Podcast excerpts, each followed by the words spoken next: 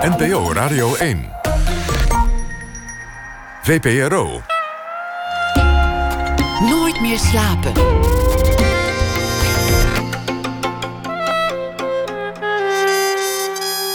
Met Pieter van der Wielen. Goedenacht en welkom bij Nooit meer slapen. Hallo Venray, de band die al 30 jaar doorbuffelt. Soms waren ze hip en succesvol, stonden ze voor 60.000 mensen. De andere keer leek alles onopgemerkt, stonden ze voor twee man en een paardenkop. En ze gingen al die tijd door. Zanger Henk Korn is eh, te gast. Hij komt vanuit Den Haag hier naartoe om iets te vertellen over het nieuwe album en het jubileum. Maartje Wortel schrijft een verhaal bij de voorbije dag, ook dat na ene. En in de aanloop naar de Libris Literatuurprijs zal Jessica Duurlacher een boek aanprijzen, namelijk Zachte Rieten van Marja Pruis. We beginnen met Botar en Skate want uh, Theater Na de Dam is inmiddels al zo'n zeven jaar een theatertraditie. Na de dodenherdenking 4 mei.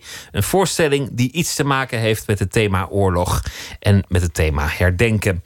Op verschillende plekken in het hele land zijn voorstellingen geprogrammeerd. Ooit begon die traditie als een idee van Jair Stranders en Bo Tarenskeen. Bo is theatermaker en filosoof. Hij acteert, hij schrijft, hij regisseert. En dit jaar schrijft hij, net als vorig jaar, een tekst. Vorig jaar werd hij uitgesproken door Nasreddin Jar.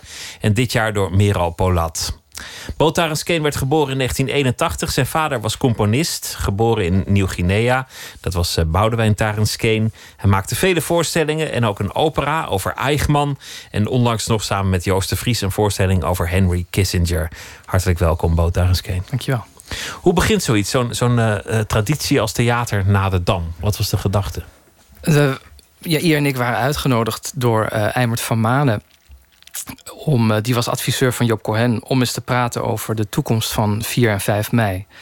Uh, er klonken toen heel veel stemmen die zeiden: ja, um, het, het, we moeten het maar opheffen misschien. Het is wel mooi geweest. Ja, het spreekt jongeren en dat werd toen nog allochtonen genoemd niet meer aan. Of niet aan. En iedereen die het heeft meegemaakt, de oorlog, is er niet meer straks. Dus wat heeft het voor zin? En uh, Jair en ik die zeiden toen samen met Eimert... Uh, nou ja, dat, dat 4 mei, dat ritueel van die twee minuten stilte... dat is zo mooi. En volgens ons uh, waren die, die kritische stemmen om het op te heffen... om ermee te stoppen. Omdat het een beetje was ehm, uitgehold. Het verhaal was uitgehold eromheen van waarom we herdenken. Want wat er gebeurd is de laatste decennia is, eh, ik geloof sinds de jaren zestig, is de dodenherdenking is veel meer een dodenherdenking van alle slachtoffers van, sinds van de Tweede Wereldoorlog en daarna, waar dan ook, wanneer dan ook. Um, ook van vredesmissies, ook van andere oorlogen, ook buiten Nederland. Korea-oorlog, Srebrenica, uh, overal. En niet alleen Nederland. Um, ho hoewel de officiële lezing wel, dat weet ik niet zeker. Um, maar wij zeiden, ja, we begrijpen dat in de, in de poging en het verlangen een uh, universeel verhaal te vertellen, uh, dat je dan alles erbij wil halen, alle slachtoffers erbij wil halen. Maar uh, volgens ons schiet je dan je doel voorbij. Het, doel is, nemen we aan, reflectie, leren van de geschiedenis, um, het eren van de doden, het ja, herdenken. Maar we zeiden, ja, volgens mij um, moet je die herdenking mm, verrijken door, zijn allebei theatermakers, door heel simpel op die avond van 4 mei gewoon voorstellingen te laten spelen. Om 9 uur, een uur na de herdenking, die een soort historisch kader bieden. Die heel helder zijn, uh, zich verhouden tot de Tweede Wereldoorlog, periode 40-45. En um, ook via die periode iets zouden kunnen zeggen over het nu, over het heden of via de Tweede Wereldoorlog reflecteren op de huidige tijd. Maar uh, je hebt die historische band wel nodig, volgens ons, om, om, om, om die oorlog abstract te maken en om de verhalen erover persoonlijk te maken. Op een zeker ogenblik werd het steeds wat wijdlopiger, hè, 4 en 5 mei. Kijk, 4 mei is een mooie traditie. Mensen die even twee minuten hun, hun, uh, hun waffel houden. Dat op zich al is, is een prachtig gegeven. En waar je die twee minuten aan denkt, dat mag je natuurlijk zelf weten. Maar, maar er waren ook pleidooien om het dan ook over verkeersdoden te laten gaan. Dat, ik geloof één opinieartikel een keer. 5 mei, dat is gewoon een, een, een feestdag. muziek luisteren, op het terras zitten. Mhm. Dat, dat is allemaal prima. Maar ook daar ging het dan over abstracte thema's als vrijheid. En, en dan zag je in, in soapseries ook mensen vertellen over vrijheid. Nou ja, dan ging het over, over, over hoe je je haar spoelt. Ja, dat, is ook heel belangrijk. Ja, ja, tuurlijk. En dat, dat zou En het is ook een vorm van vrijheid, natuurlijk. Mhm. Maar het, het, het- jij zegt eigenlijk, eigenlijk hadden, we, hadden we niet helemaal die band. Of dan laat, laat ik het anders zeggen. Voor jullie zelf besloten, jullie laten we niet die band met de Tweede Wereldoorlog loslaten. Nee, zeker niet. Ehm integendeel. ehm, ja, er, zit, er zijn zoveel. Nou ja, kijk, er zijn zoveel redenen ehm, om dat niet los te laten. Echt, De, eerste tien minuten boven komt. ehm, Tweede Wereldoorlog is hier gebeurd op deze plek. Ehm, heeft dit land waar wij met elkaar wonen, of je hier nou geboren bent of geïmmigreerd bent of kinderen bent van immigranten, eh, dit is jouw plek met deze geschiedenis. Dus die geschiedenis is automatisch jouw geschiedenis. En het is belangrijk om die geschiedenis te kennen, omdat deze plek gevormd is door die geschiedenis. Het kennen van die geschiedenis geeft relief, eh, schoonheid aan een plek, eh, geeft begrip over die plek waar je woont. En, en het is, eh, er zijn zoveel ehm, verhalen over die oorlog die, die zich lenen tot een voorstelling. Er zijn ook prachtige toneelstukken geschreven natuurlijk over de Tweede Wereldoorlog... of naar aanleiding van de Tweede Wereldoorlog. Tabori, Brecht, Thomas Bernhard, Judith Herzberg. Dat zijn de mooiste stukken die er zijn. Dus er is ook heel veel materiaal over. En eh, ja, zodoende lag het voor de hand om ook, ook die verbinding tussen theater en geschiedenis te maken. Theater is, een- is ook een plek, zoals jij hier dat zo mooi kan zeggen. eh, theater is een, een huis van de geschiedenis. Eh, het was al bij de oude Grieken traditie dat als er een belangrijk eh, evenement was, of een, of een oorlog, of een god werd herdacht, of een, of een gebeurtenis werd herdacht, dan werden er voorstellingen gespeeld. Dan gingen de mensen de theaters in, de amfitheaters, om daar verhalen te horen over wat er gebeurt of gebeurd is, of, of 100 jaar geleden gebeurd is. Dus dat theater was toen al bij de oude Grieken een soort middel om je te verbinden met de geschiedenis van, van je plek, je land, je volk, je cultuur. En met elkaar, met, met, Mhm. met, met je buren, met je, je medestadsgenoten. Omdat je samen in, in een theater op een stoel zit te luisteren naar een verhaal. Dat, nou ja, waar, je, waar je vervolgens allemaal je eigen ding van maakt. Maar even luister je allemaal tegelijk naar dezelfde. Ja, en precies. En je kunt, of je wordt uitgedaagd je te verplaatsen in een verhaal, in een andere tijd, in een ander mens, in een ander leven, in een andere situatie. Dat is wat kunst van je vraagt, meestal, als het goed is. Ehm, om naar voren te leunen, om ehm, eh, eh, mee te doen, om mee te spelen of zo. En dat is ook zo mooi in theater dat dat live gedaan wordt door de, door de performer. Je, je deelt dezelfde ruimte met, met de speler of de maker. Eh, als je naar film kijkt, dat is ingeblikt, dat is af, dat is klaar, dat is veilig. Als je er doorheen praat, tast dat niet de film aan. En je, je deelt dus ook de actualiteit met de mensen die op dat moment toneel aan het spelen zijn. Het komt daar ter plekke tot stand. En het publiek is ook, ook een factor in het slagen van, Ja. van, van de voorstelling. Het is een ritueel wat je deelt met elkaar. En zeker, dat, het theater is een soort ritueel, een heel raar ritueel. Maar zeker op 4 mei ehm, stap je als je net herdacht hebt eh, om 8 uur, twee minuten op, op een, bij een monument of thuis. Ga je om 9 uur, loop je bij wijze van spreken van de Dam naar Frascati of pak je de tram naar de Schouwburg. En ga je om 9 uur zitten en je, je neemt dat ritueel mee van, van de Dam, van, van, die, van die stilte. En die voorstelling is dan een soort voortzetting of, of verdieping van het ritueel, of een concretisering daarvan. Ben jij een echte geschiedenisliefhebber? Heb jij plekken in de stad waarvan je weet dat die een, een, een soort herinnering herbergen aan de Tweede Wereldoorlog? Een plek waar iemand is opgepakt of gefusilleerd of, of juist ontsnapt? Zijn er locaties die jou altijd doen denken aan, eh, aan die oorlog? Eh, of, f- ja, f- vast wel, maar dat heb ik dan nu, nu niet zo even snel paraat. Niet een vaste plek in de stad waar je langs fietst en denkt: oh, oh, daar is dit gebeurd? Nou, het is wel. eh, het eerste wat me te binnen schiet is, is de Stopera. Als ik daar langs fiets of langs de Am- Amstel fiets en ik zie in de verte in de s'avonds dan die lichten van die opera.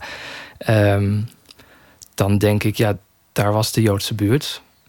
En het was laatst op Facebook, zag een filmpje van eh, Ed van der Elske die door de stad fietste met een camera op zijn fiets. En die fietste over dat Waterloopplein voordat daar de Stopera was gebouwd. Dus het was helemaal le- één grote kale le- lege vlakte. Waanzinnig beeld. En dan denk je, "Jeez, ja, dit is, dat is na de oorlog natuurlijk dat hij daar fietste. Dat is zo'n lege plek, eh, zo'n grote kaalslag ehm, daar.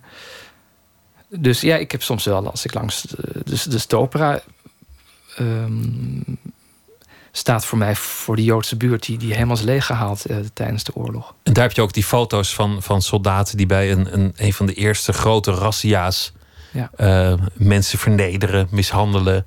Die foto Eh. van die man in dat rokkostuum en dat bril, die dan op weg is naar de Schouwburg of een opera en dan op, op weg daar naartoe is tegengehouden. Daar. Ja, dat is volgens mij ook die plek.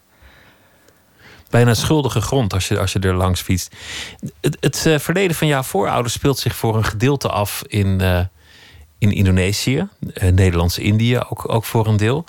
Wat weet je eigenlijk van het oorlogverleden van, van jouw grootouders? Ehm, ja, dat is van beide kanten. Het is, het, trouwens, mijn vader leeft nog steeds. Je zei hij was componist. En hij was, Ja. Maar hij, hij is componist en hij leeft Was nog. componist toen jij werd geboren, bedoelde ik. Maar Ja, eh, toen, toen was hij al componist. nu nog steeds, Nu gelukkig. nog steeds. En ehm, eh, zijn vader, geboren in Sumatra, eh, was architect, ingenieur, civiel ingenieur in Indië. En die, toen de Japanse bezetting was, zat hij in het leger, sergeant derde klas of zo, tweede klas. Ik Een mooie foto van hem met beenwindsels in zo'n motor met zijspan. En die ging eh, nou, toen Indië, zo te zeggen, capituleerde... en die oorlog duurde trouwens veel langer dan die in Nederland... eh, Nederlands grondgebied in hier. Ehm, dat, er werd veel heftiger gevochten dan hier tegen de Duitsers.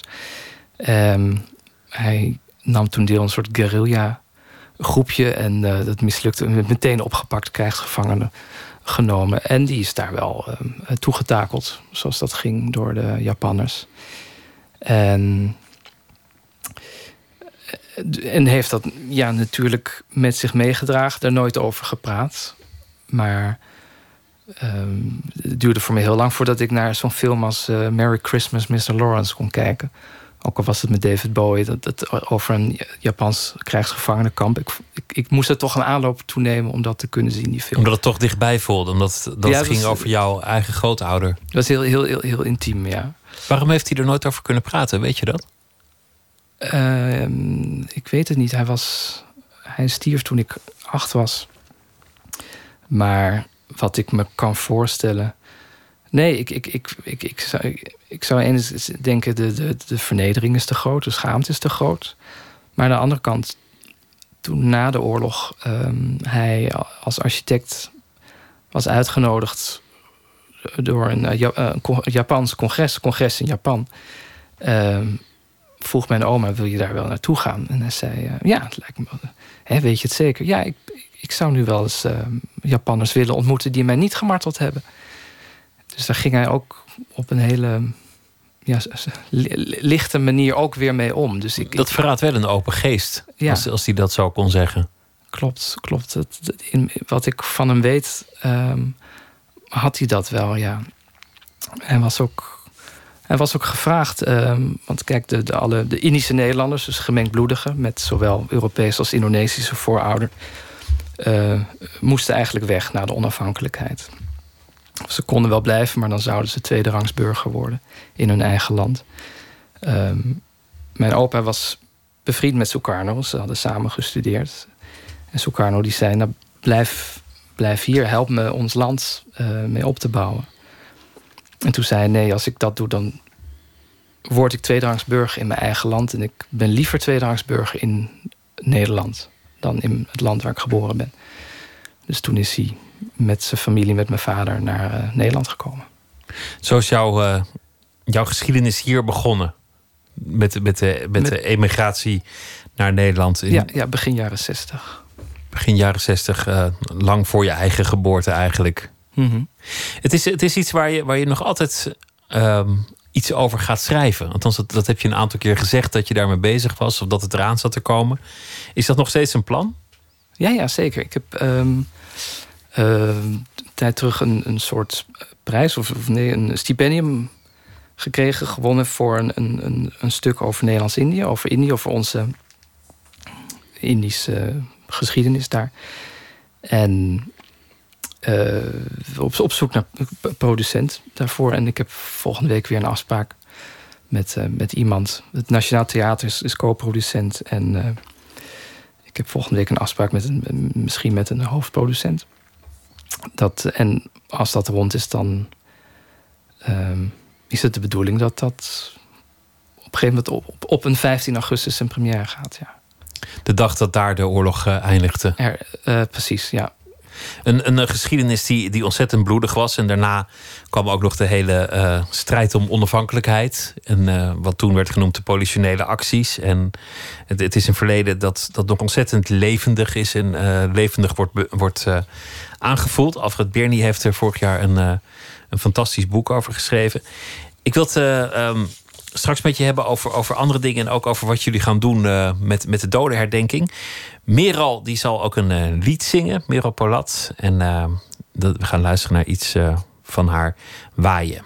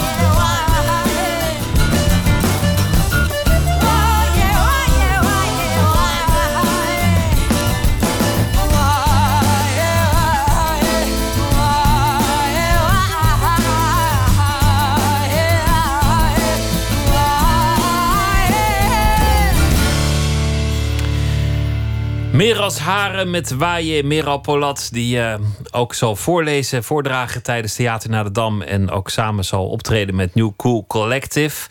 En uh, de tekst daarvoor die is geschreven door, door mijn gast hier tegenover mij, Bo Tarens Kane. Die vorig jaar ook een uh, tekst schreef voor Nasreddin Jar. Nasreddin die, die had, een, had een ander soort voordracht dan, dan, dan Merel. Jij schrijft een tekst voor iemand anders. Hoe doe je dat eigenlijk? Um, in beide gevallen heb ik ze een paar keer heel intensief uh, geïnterviewd, gesproken.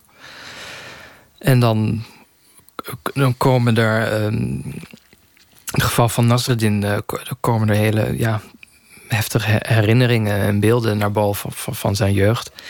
En die probeer ik dan een plek te geven. Maar ik, ik probeer ook um, in, in, in beide gevallen probeer ik eigenlijk een soort gevoel te vangen waarmee ze in het leven staan en daar woorden aan te geven. En hoe ze zich verhouden tot, tot dit land, het leven, de huidige, de huidige tijd. Um, en Nasreddin die, die, die spreekt zich vaak uit, die maakt zich zorgen over de polarisering. Die, die is bang dat het land steeds meer uit elkaar wordt gedreven. Mm -hmm. Hij maakte dat eigenlijk wel op een elegante wijze uh, uh, voelbaar aan de hand van die, van die, die oorlog dat afschrikwekkende voorbeeld van toen. Mm. Dat betrok hij op zichzelf, maar dat deed hij eigenlijk ook weer op een manier waarbij hij zichzelf onder vuur nam. Het werd niet een preek. Mm -hmm. wat, wat gaat Meral dit jaar doen? Meral heeft een andere. Meral heeft een heel, ook een heel ander politieke um, drive. Of nee, bezig is, heeft dezelfde drive. Alleen probeert dat op een andere manier tot uitdrukking te brengen. Op, op Nasreddin is, is acteur en, en ook heel politiek actief. Meral is ook echt een zangeres en zoekt het ook meer op een poëtische manier eigenlijk haar, haar boodschap te verkondigen. Wat Meral eigenlijk dit jaar gaat doen in Carré is. Um, we vroegen haar, toen we haar deze opdracht gaven, vroegen we haar hoe. Um, hoe sta je in deze tijd? Hoe, hoe, zie jij de wereld? Hoe zie je Nederland nu? Eigenlijk afgezet tegen de Tweede Wereldoorlog. En toen zei zij: Ja, ik heb een. Ik woon al mijn hele volwassen leven in Bos en Lommer. En ik heb daar een buurvrouw, een Nederlandse vrouw. En sinds een paar jaar goed ze mij niet meer. En dat komt volgens mij omdat ik er uitzie zoals Nederland aan het verkleuren is, aan, aan, het veranderen is. Ik sta voor haar voor een soort veranderend, verkleurend, multicultureel Nederland. En dat daar is iets gebeurd in die buurvrouw dat, dat ze haar niet meer goed, dat ze haar vereenzelvigt met iets wat die buurvrouw beschouwt als een bedreiging. En. Althans, dat is, dat is meer als eh, interpretatie. Misschien heeft ze ooit wel een keer s'nachts de muziek heel hard geha gehad en dat ze het zich niet meer herinnert. Dan voor de voorstelling hebben we het even zo. Gewoon maar gehouden bij het, bij het verhaal. als Precies. een feit. Namelijk, okay. in, in de voorstelling zegt ze: sinds de aanslagen in Parijs groet ze mij niet meer. En die vrouw die is in de negentig. En Meral stelt zich dan voor hoe, hoe, die, hoe die Tweede Wereldoorlog in die buurvrouw zo zou kunnen doorwerken. Dat dat misschien heeft bijgedragen aan of, of een aanleiding is tot geweest tot, tot, tot, tot dat sluiten, tot het eh, wegvallen van contact, tot, tot die angst voor Meral. En dan stelt ze zich eigenlijk die buurvrouw voor in de oorlog. En dat, dat is in een soort poging om daar weer om die vrouw te begrijpen, om weer contact te krijgen met die vrouw. Om, en die vrouw die kan dan natuurlijk symbool staan voor het Nederland van nu, een Bos en Lommer als, als, als Nederland. En dus zij, um, stelt zich eigenlijk drie verschillende buurvrouwen voor. Een, een Joods, een kind van NSB'ers, et cetera. En dan, dan kijkt ze wat er dan gebeurd is in die buurvrouw. Dat die oorlog nog steeds zorgt. Op, op, opeens alsnog is gaan zorgen voor een stoppen van contact, voor een verstilling, voor een, iets wat niet is uitgezocht of uitgewerkt. Of dat die buurvrouw misschien nooit echt is bevrijd op 5 mei 1945. En, um, en ja, en Meral doet, doet een, een, soort poging om dat te begrijpen en om, om die buurvrouw te bereiken. Via een, een, een theatertekst. Ehm, en heel veel muziek. en heel veel muziek. Het, het, het is ook, uh, gehoord werd. Het is ook een vrolijke avond, uh, uiteraard. Jouw vader was componist. Jouw broer is ook uh, iets, iets creatiefs gaan doen. Het, het is ja, een, een, nest waarin het niet ongebruikelijk was, kennelijk, om, om voor de kunst te kiezen. Hoe is dat theater bij jou op je pad gekomen? Wanneer ja, wist je dat dat je beroep zou worden? Nou, mijn moeder ook. Niet te vergeten, de belangrijkste factor natuurlijk. Wat deed je moeder? Mijn moeder is uh, scenario-schrijfster, filmscenario-schrijfster. Uh, begonnen als actrice, daarna toneelschrijfster, regisseur en, en, en, en toen filmscenario-schrijfster geworden. Um, dus het is niet van ver gekomen dat je dit bent gaan doen? Nee, niet van heel erg ver. En ik ben ook af en toe best wel jaloers op mensen die dan uit, uit in een boerderij zijn geboren en dan naar de, op, op, op een 18 hebben besloten, ik, ik ga naar de toneelschool. En dan dat echt, echt als, als pioniers in hun familie en in een milieu dat zijn gaan doen. Waarom ben je daar jaloers op? Nou, ik denk die. die, die, um, die ja, ik, ik, ik was toch van vrij blasé op mijn achttiende. Ik ging al sinds mijn twaalfde bij wijze van spreken naar het toneelgroep Amsterdam. Dus als ik op mijn achttiende mensen zich met urine zag insmeren, zei ik, ah, dit, dit, is zo jaren zeventig. Um, je kende het al eigenlijk. Ik, ja, dat is heel, heel, ja, toch wel heel, irritant. Dus ik, um, ik, ik merk dan dat ik daar een heel ander soort uh, zoektocht of, of gevecht in heb dan uh, veel leeftijdsgenoten. Je, je bent wel ver van de stroom afgekomen, maar je hebt niet de loop van de rivier verlegd. Nog één keer? Nou ja, ik verloor me in een beeldspraak. Maar het was niet een heel wilde keuze om ook, uh, ook de cultuur in te gaan. Nee, nee ik, ik, op een gegeven moment zei ik, uh, zei ik dat ik bij de landmacht wilde en dat mocht niet.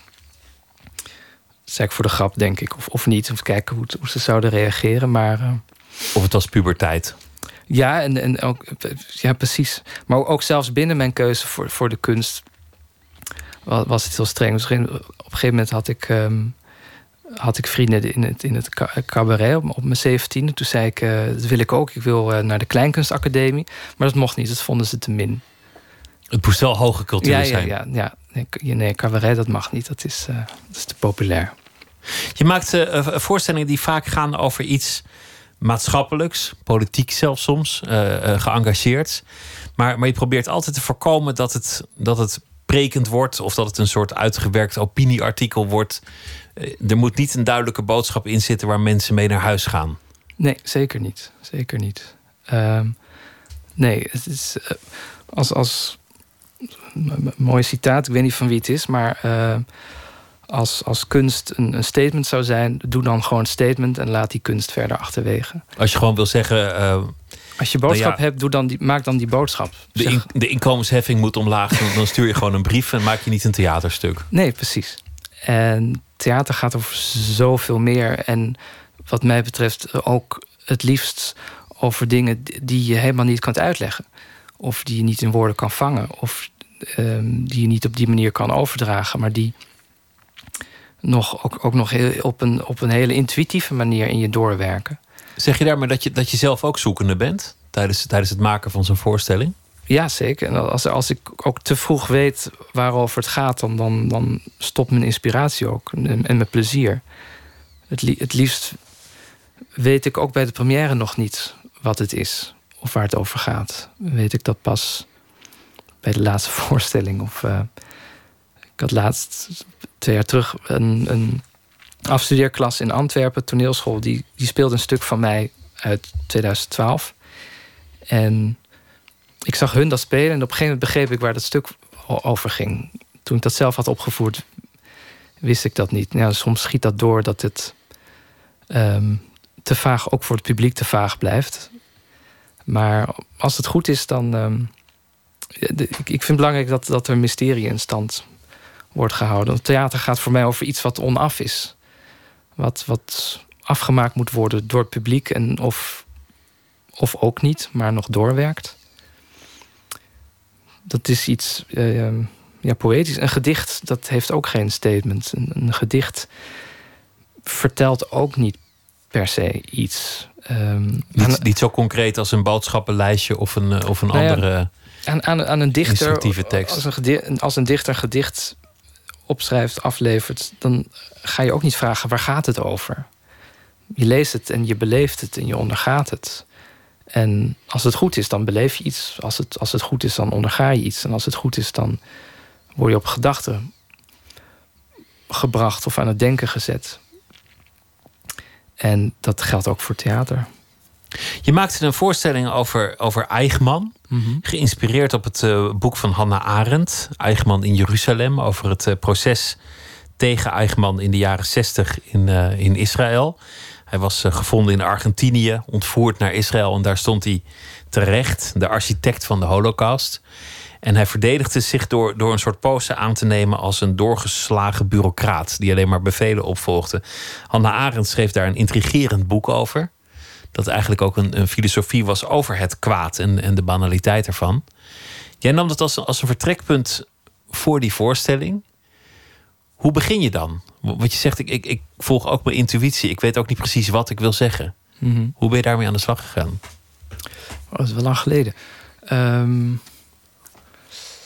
Eichmann. Ehm, Je moet zelf ook even graven. ja, ja, ja, dan moet ik even denken hoe, hoe, hoe dat was. Want dat, als iets zo intuïtief is, dan kun je dat ook niet zo snel. ehm, Maar, maar lees je het boek samen met de acteurs? Of, of begin je aan een tekst? Los geïnspireerd? Of hou je gewoon meerdere dingen bij elkaar? Nou, ik, ik, ik, ik doe onderzoek en ik, ik, ik lees dan. En dan wat ik schrijf, dat zijn dan, eh, ik noem het dan parafrases. Dus eh, stukken tekst, fragmenten, die er in de verte naar zouden kunnen verwijzen. Maar ook over iets heel anders zouden kunnen gaan. Ehm, en dan, dan hoop ik op die manier, en, soms lukt dat. En eh, soms ook, ook niet. Ehm, op, op die manier hoop ik ook een soort onbewuste laag bij het, het publiek aan te spreken. Dat het, dat het op een ander niveau werkt dan informatieoverdracht of het vertellen van een anekdote of een spannend verhaal. Maar eh, dat een ander soort bewustzijn wordt aangeboord. Het klinkt vrij abstract, maar dit is ook, dit is. Eichmann is ook weer een tijd geleden. Nou, de fascinatie van, voor, voor Eichmann, die begreep ik heel goed. Omdat het gaat over schuld. Is de man schuldig of, of zijn het de omstandigheden? Uiteraard is de man schuldig. Ik bedoel, hij heeft gedaan wat hij heeft gedaan. Maar Hannah Arendt betoogde dat er toch ook een soort onschuld zat... gezien de omstandigheden waarin hij verkeerde. Dat, dat het een man was die volledig één werd met zijn context, met zijn omgeving. Nee, ze zei expliciet niet dat hij onschuldig was. Hij zei, ze, hij, eh, ze zei, hij is schuldig. Alleen hij is eh, geen monster. Hij is, hij is geen sadist. Hij is gewoon heel erg dom. Dat was haar observatie. Haar redenering. Nou, haar, echt haar observatie. Ze zei, ik zie daar een soort clown in een slecht zittend pak. Een soort ambtenaar met een bril en een kaal hoofd. Met een stapel dossiers voor zich. En ze zei, ik zie iemand die gewoon... ehm, ja, eh, deel was van een, van een systeem en niet beter wist dan dat. Ze noemde me ook de opportunist. Ja, was hij ook. Maar ze, ze is ook enorm aangevallen op die observatie of op, op, op die analyse. Ehm, maar het, het, is, het is natuurlijk prachtig theatraal materiaal. Er zijn ook, er zijn ook al veel voorstellingen over Eichmann gemaakt. Door eh Mug met de Gouden Tand verwijst ernaar. In, in Hanna en Martin. En, eh Carly Wijssen, een hele mooie voorstelling. Zo rechtszaal is natuurlijk ook al een soort theater. Een soort theatrale omgeving. Het grappige is, in het geval van Eichmann in Jeruzalem... was dat proces in een theaterzaal eh, werd, dat werd dat gehouden. En de, eh, hoe zeg je dat? De, de, de banken waar de rechters dan op zitten, dat waren decorstukken. Dat, dat was omdat ze gewoon heel veel plek moesten bieden aan al die journalisten uit de hele wereld die erbij wilden zijn. Dus het was ook bijna een soort theater, die, die rechtszaak tegen Eichmann werd ook heel lang opgerekt en, en ehm, ehm, uitgesmeerd over de tijd om zoveel mogelijk eh, getuigenissen te laten klinken in die rechtszaak. Een soort openbare psychoanalyse om, ook, ook om, om de jeugd in Israël te vertellen wat er eh, gebeurd was in 40, 45. En het was ook het, het moment dat de, de relatief nieuwe staat Israël kon afrekenen met, met het eigen verleden. Zelf recht kon spreken over, over wat uh, de Joden was aangedaan. Ja, dat was echt een heel belangrijk symbolisch moment. Een, een keerpunt, ook in het zelfbewustzijn van dat land. Je, je hebt ook filosofie gedaan. Filosofie heeft ook een, een interesse. Hoe, hoe, is dat gegaan? Want je, je, ja, je rolde al recht dat theater in via, via je ouders. Hoe kwam de filosofie op je, op je pad? Wat was de, de afweging daar? Ja, misschien ook om, ook om, om iets te doen wat zij niet hadden gedaan. om, om niet helemaal voorspelbaar te zijn. Precies. Nee, ik denk. Uh, interesse. Ik, ik, ik noem het trouwens, je, je, je, introduceert me als filosoof, maar zo, zo noem ik mezelf nooit. Omdat dat zo. Dat zou, dat zou suggereren dat je het praktiseert. Dat, dat je boeken daarover schrijft. Of Precies, zo. zo. Zo, voel ik me niet. En het schept ook zulke hoge, ontzettend hoge verwachtingen. Dat mensen denken, verwachten meteen dat je hele wijze dingen gaat zeggen dan. Maar het is, het is uh, zeker een voeding en een inspiratiebron. En het heeft heel erg mijn denken gevormd. En die studie is ook een beetje uit de hand gelopen. Ik wilde het eerst maar één jaar doen. En dat werd, toen dacht ik, ik ga afstuderen. En toen werd het zeven jaar. En ik heb toen uiteindelijk mijn scriptie geschreven... toen ik al was aangenomen op toneelschool in Brussel. Dus naast de spel- en yogalessen heb ik mijn scriptie geschreven... over Wittgenstein en normativiteit en zo. Hele gewichtige dingen. Heel, heel gewichtig. Maar uh, heel, met heel veel plezier. En ik mis het eigenlijk ook wel. Maar... Um, Nee, ik, ik wil. Nee, ik, ik, zou mezelf geen filosoof willen noemen. Toch komt het in je theater wel degelijk voor. Want, want de voorstelling over Eichmann gaat uiteindelijk ook over schuld, onschuld, de vrije wil. Via de vrije wil kom je terecht in het heden. Een, een tijd waarin het bestaan van de vrije wil wordt ontkend. Mm -hmm. En daarmee ook eigenlijk de vraag wordt gesteld wat het nog betekent om een mens te zijn. Mm. Allemaal grote vragen die, die onderhuids meespelen in zo'n in zo'n voorstelling. Ja, en ik, het, lijkt er soms op die, um, het verlangen om, om, om de vrije wil weg te, weg te rationaliseren. Het, of, of te rationaliseren. Natuurlijk is het een. Um, hoe zeg je dat? Is het een, een, een mythe, de vrije wil? Net als het concept liefde of tolerantie of gelijkheid, is dat een mythe die we hebben verzonnen om um, in dit geval, we hebben de mythe vrije wil hebben nodig om zoiets als verantwoordelijkheid te kunnen begrijpen en te kunnen hebben en, en te kunnen eisen van elkaar. Want als, het, als er geen vrije wil is, als het allemaal maar een toevallige uitkomst is van je, je reflexen en, en je impulsen, mm -hmm. dan zou je eigenlijk ook geen gevangenissen moeten hebben in moreel opzicht. Nee, Behalve dat je sommige exemplaren maar even moet wegstoppen omdat ze het wellicht nog een keer doen. Ja, precies. Uh, ik, ik, vroeg een keer aan een, um, officier, of aan een uh, aanklaar, officier van justitie toen net die boeken waren verschenen van Victor Lamme, De Vrije Wil bestaat niet. Ik, ik vroeg, um, doe je daar nog wat mee in je vak met, met die inzichten uit de neurowetenschappen, dat, dat er helemaal niet, niet zoiets is als vrije wil, dus, dus als verantwoordelijkheid? Zei, nee, daar, daar doen we niks mee. Um, het, het, het, het, gaat bij ons ook gewoon om wraak.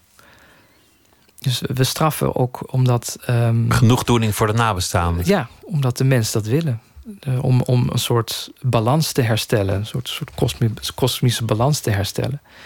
Dus en of dat nou um, ja, door een stofje in de hersenen komt of door een beslissing, um, we moeten iets herstellen. Dat, dat vond, vond ik wel grappig. Maar lange tijd was, was het bestaan van een vrije wil, wat de, de mensen onderscheiden van de dieren. De dieren die volgen hun uh, impulsen, maar hebben geen keuze. Een kat kan geen ander gedrag vertonen dan krabben en achter brokjes jagen. En, en wat katten zoal doen. En de mens die kan zich onttrekken aan zijn natuurlijke reflexen. Was jarenlang de, de theorie. En toen kwam de vrije wil ineens op de helling te staan. En daardoor is er een, een vraag die niet te beantwoorden is. Wat, wat is daar eigenlijk om mens te zijn? Mm -hmm. Wie zijn we eigenlijk? Is dat een vraag die, die je uiteindelijk in een theatervoorstelling zou kunnen behandelen? Of, of gaat dat gewoon veel te ver? Uh, nou, niet, niet, niet zo expliciet. Ik denk, ik denk dat het heel moeilijk is voor een toneelschrijver om, om te denken: oké, ik ga het hebben over wat het betekent de mensen zijn. Dan, ik denk dat, dat alles dan stagneert. Maar uh, er is wel zo'n zo'n theorie van, van uh, wat, wat, wat zijn nou de belangrijkste plots hè, in, het, uh, in, elk toneelstuk of elke roman. Zijn er er twaalf of zijn dat zeven? Of, of, um, en er, zijn mensen die zeggen: nee, er is maar één plot, namelijk die vraag die jij nu stelt: wat betekent het mens te zijn? Maar ik, ik denk niet dat, dat er toneelschrijvers zijn of schrijvers die zich dat expliciet stellen en daar vervolgens invulling aan proberen te geven. Maar ik denk wel dat het uiteindelijk het er wel op neerkomt wat je doet. Ook al ben je daar niet uh, zo mee bezig, ben je, niet bezig met die. Heb je die vraag zelf die vraag nooit zo gesteld? Dat betekent het op mensen zijn. Heeft alles wat je doet er wel mee te maken uiteindelijk? Met de menselijkheid ook. Uh, ook voorstellingen die, die politiek zijn. Een voorstelling hebben jullie ook gemaakt over Henry Kissinger. Uh, de realpolitieker. De, de, de man die gewoon ja, zonder al te veel ideologie probeerde het beste voor elkaar te krijgen in de, in de diplomatie. Dat, dat zou een, een, een voorstelling kunnen zijn, strikt over een schurk. Mhm. Wat was bij jullie het vertrekpunt? Ja, dat was dus een van de eerste dingen die we tegen elkaar zeiden. Dus dat, is, dat gaat om uh, Joost de Vries en ik. De schrijver? Ja, de romanschrijver. Um, ik, had, ik, had, um, ik had hem gevraagd: uh, zullen we samen een voorstelling maken over Kissinger? En een van de eerste dingen die, die we tegen elkaar zeiden: van is, nou ja, je gaat eh, hoog, hoogstwaarschijnlijk een, een heel progressief links publiek op afkomen, wat, wat die man sowieso haat. Dus we gaan geen voorstelling maken waarin we vertellen hoe slecht die man wel niet was of is. Want daar komen de mensen voor, dat zou te voorspelbaar zijn. Ja, dan, dan, dan geef je ze wat, wat, wat ze willen. En dat moet, je, dat moet je niet doen. Of in ieder geval uitstellen of, of, of problematiseren. Um, dus dus wat, we, ja, wat het uiteindelijk geworden is, we, zeiden, ja, we, moeten een soort van. Er moet ook wel iets van autobiografie in zitten. Maar we willen ook een heel deel van die voorstelling. Uh, en dat is wat ik net bedoelde met die parafrases. Moet schijnbaar niks met Kissinger te maken hebben. Maar dat gaan we toch doen of, of toch uh, vertellen. En dan laten we het publiek de verbinding leggen tussen wat ze zien en tussen die figuur Kissinger en wat ze daarvan weten. En wat de meeste mensen wel weten over Kissinger, um, geniaal diplomaat, uh, minister van Buitenlandse Zaken onder Nixon, uh, Vietnamoorlog, Nobelprijswinnaar voor de vrede. Enorm omstreden man, omdat hij die oorlog ook heeft verlengd. Om vervolgens hem te beëindigen en daarna de Nobelprijs daarvoor te krijgen. Omdat hij, dat is de verdenking, althans in het geniep zou hebben gezegd tegen de tegenpartij bij de onderhandelingen.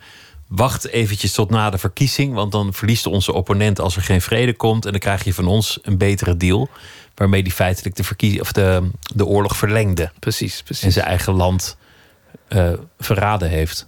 Ja, ja, Als het allemaal echt zo gegaan is, want dat is natuurlijk nooit toegegeven. Ja, hij, hij wist, um, in oorlogstijd kiezen Amerikanen een republikein. In vredestijd een democraat. Dus het moet oorlog blijven, want dan kiezen ze Nixon. En dan word ik zijn rechterhand en dan kom ik ook in het Witte Huis.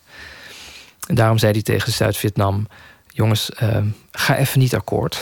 Wacht nog maar even. Ja, precies. Want dan komen wij aan de macht en dan hebben we voor jullie een betere deal. Uh, dus op die manier ging de Vietnamoorlog door. Uh, werd vervolgens Nixon verkozen als president. Maar toen moesten ze zorgen dat Noord-Vietnam weer uh, terugkwam aan de onderhandelingstafel. En die wilden het natuurlijk niet. Dus toen gingen ze, ja, daar, daar lijkt het een beetje op wat, wat, wat Trump nu soms doet. Uh, ze pasten de theorie van de krankzinnige toe. Nee, de, tactiek van de krankzinnige. De madman's tactic pasten ze toe. Ze deden alsof ze gek waren geworden. Dus ze gingen het neutrale Cambodja bombarderen. Wat naast Vietnam ligt. Um, om zo Noord-Vietnam weer te dwingen tot onderhandelen. En het waren illegale bombardementen zonder medeweten, zonder toestemming van het Amerikaans congres. Uh, nou, het, allemaal bedacht door Kissinger. Dus het is een enorme schurk met, met honderdduizenden, zo niet miljoenen doden op zijn geweten. Maar, maar jullie wilden niet alleen maar dat verhaal vertellen, jullie wilden ook andere dingen erbij betrekken. Die het uiteindelijk ook naar het heden trekken en die ook grotere filosofische thema's verbinden aan de persoon van Kissinger. Ja, ja, wat betekent het om realist te zijn? Wat betekent het om als realist gezien te worden? Um, Kissinger heeft, het, heeft, heeft nou onder andere dit gedaan. Dus, dus honderdduizenden bommen op Cambodja laten gooien, illegaal. Maar hij heeft ook toen ehm, Chili, een democratisch verkozen president uh, Allende, ehm, socialistisch, niet communistisch, maar wel socialistisch, uh, verkozen werd, heeft hij ehm, trouwens op aandringen van Pepsi Cola, die nu dat omstreden spotje had met die demonstrant, heeft hij een, een soort militaire coup, rechtse coup georganiseerd. Waarbij Allende vermoord is en daarna uh, Pinochet aan de macht is gekomen. Uh, met een schrikbewind van, ik denk, 17 jaar. Dus hij heeft gewoon een, een dictatuur aan de macht geholpen in Chili. Met, toch wordt hij gezien als een realist. En dan is het interessant, ja, wat, wat, wat zegt het over de mensen die hem zien als realist. Wat, wat is dan een realist te zijn en, en wat levert realisme op? Wat realisme doorgaat, een realist wordt gezien als iemand, iemand die de wereld ziet zoals hij is. Iemand die de feiten ziet. Dat is een realist. Iemand die aanvaardt dat je met, met idealen alleen er ook niet komt. Ook dat, ja, ook dat. Maar vooral dat, hè, dat je, eh, een realist is iemand die de, die de realiteit ziet. Oké, dus wat is die realiteit dan? Dat, dat is eigenlijk de vraag van de voorstelling. En moet je die veranderen? Heel actueel in het, uh, in het tijdperk waarin we nu leven, waarin uh, het realisme om zich heen grijpt, zou je, zou je kunnen zeggen. En tegelijk ook helemaal niet. Want, want realisme en absurd idealisme die gaan vaak ook weer hand in hand. Op een gekke manier. Hoe bedoel je dat? Nou, bijvoorbeeld Donald Trump, die zegt dat hij een realist is, maar tegelijk is het ook een, een idealist in, in dat hij bepaalde utopische verlangens heeft van wat hij hoopt te bereiken ja, ik, ik vind het nog heel moeilijk vat te krijgen op, op, op wat hij nu eigenlijk wil. Ik, ik, het, hij, doet me dat nog, vindt hij zelf volgens mij ook. het, doet me meer denken aan die, uh, die, die, die tactiek van de krankzinnige die, die Nixon en uh, Kissinger toepast. Alleen weet hij zelf niet dat hij die tactiek aan het toepassen is.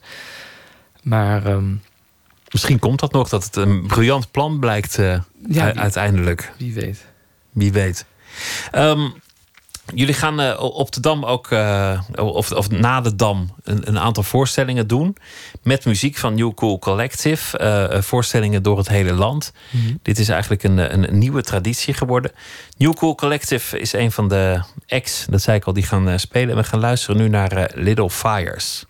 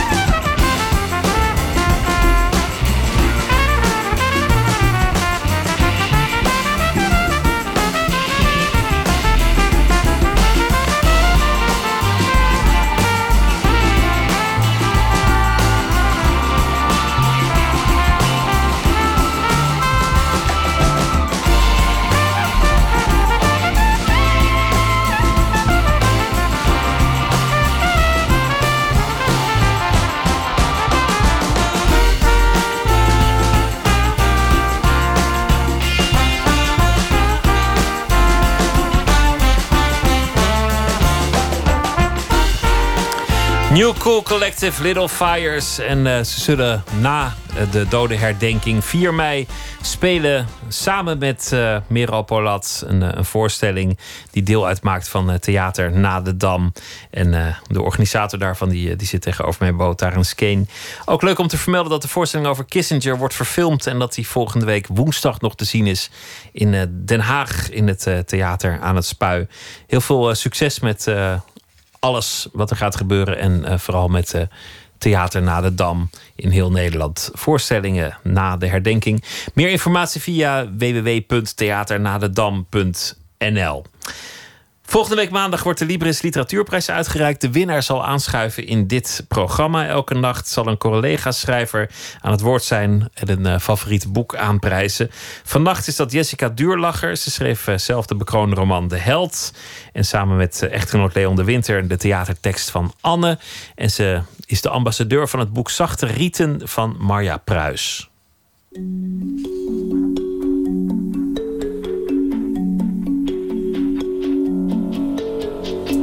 Zachte Rieten is een uh, prachtig boek, typisch Marja Pruis boek. En het, uh, ik zou het willen beschrijven als driest en fier in al zijn beknoptheid. En het is toch volstrekt ongrijpbaar. Want alles wat Marja Pruis aanraakt verandert in een vraag. Het gaat over hunkering en angst en loyaliteit. Maar een zin bijvoorbeeld die erin staat, die heel veelzeggend is, is: Ik moet een stomme film schrijven. Je ziet alles, maar je snapt niets. Want dat wil Marja Pruis. En zo schrijft ze ook. Je ziet alles, maar je snapt het niet meteen. Ze schrijft zichzelf als het ware weg. En alles speelt zich onder de zinnen af, in de kantlijn, de witregels, achter het gordijn. En haar poëtica zou je kunnen beschrijven als de beste verhalen lopen niet van A naar B en zijn in principe plotloos. En toen ik Zachte Rieten uit had, besefte ik ook pas goed wat een raadsel Marja eigenlijk is. Zo aards en levend en intens als ze overkomt. Zo onontkoombaar haar stem in de kranten en de bladen. En toch dat schuwe, dat schuchtere, dat onzichtbare en dat behoedzame... waarmee geheimen worden beschermd. Haar zinnen zijn uniek en wijs, geestig en krachtig... maar stiekem maakt ze van alles wat vaststaat dingen die niet meer vaststaan.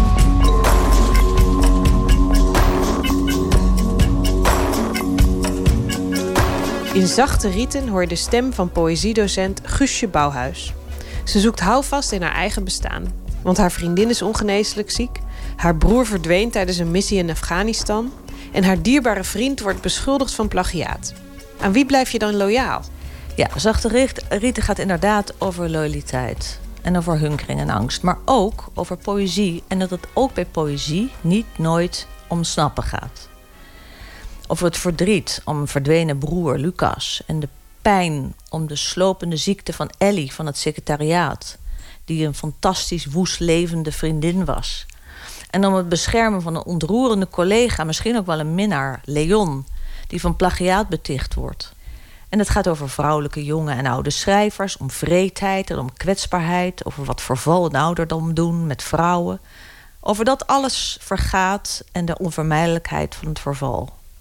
Het verlangen naar ontroostbaarheid. Het verlangen naar onherhaalbaarheid. Dat zijn een paar dingen die me bijvoorbeeld heel erg troffen. Het boek besluit met een paar zinnen die Lucas, de broer die is verdwenen, zijn zusje toeriep. Niet zwemmen als een gewond dier, dan komen de haaien juist op je af. Niet bang zijn. Het zijn belangrijke zinnen die je ondanks alles moet geven. Ook al komen ze uit de mond van de geliefde broer die nooit meer terugkwam. Dit is geen stomme film, vind ik, maar een prachtig Marja Pruis boek. Like a bird on the wire. Like a drunk in a midnight choir. I have tried in my way to be free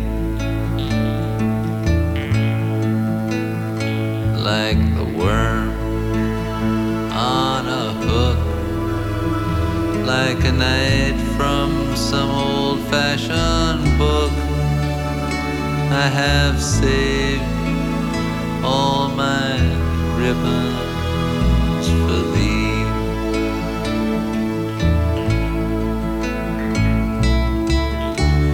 If I, if I have been unkind,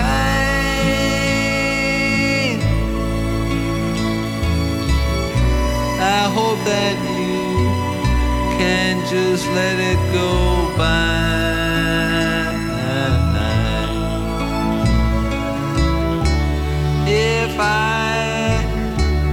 If I have been untrue,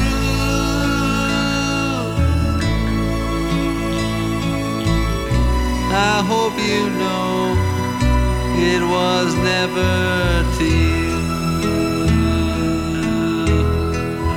Oh, like a baby stillborn, like a beast with his horn. I have out for me. But I swear by this song and by all that I have done wrong, I will.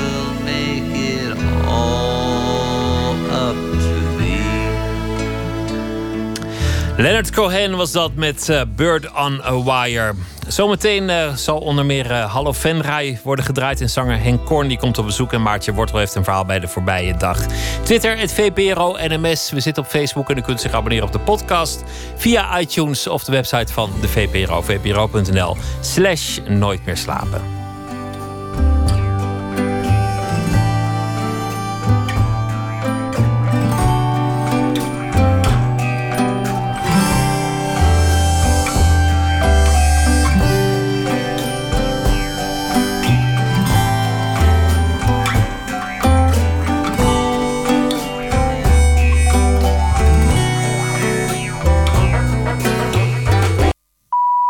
Het is één uur, dit is Doral Megens met het NOS-journaal. De Belgische kasteelheer Stijn Salens is vermoord in opdracht van zijn schoonvader. Dat bekende hoofdverdachte André G. gisteravond tijdens de rechtszaak in Brugge. Het was voor het eerst dat hij dit toegaf. Eerder zei hij steeds dat hij zijn schoonzoon alleen een lesje wilde leren. Volgens G. was een moord de enige manier om zijn kleinkinderen te redden van Salens... die hij verdacht van incest. Ook wilde hij voorkomen dat zijn schoonzoon met dienstgezin naar Australië zou emigreren. Stijn Salens werd in januari 2012 doodgeschoten. Pas weken later werd zijn lichaam gevonden in een bos.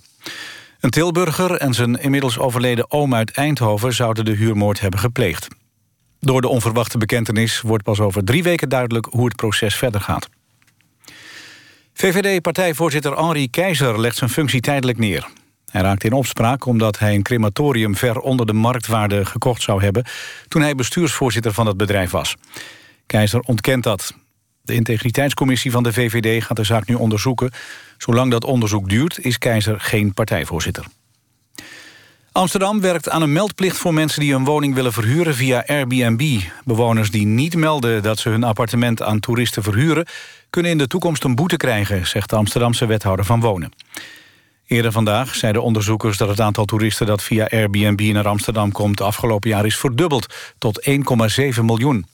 Maar Airbnb zelf zegt dat het er veel minder zijn. Het zouden er 770.000 zijn.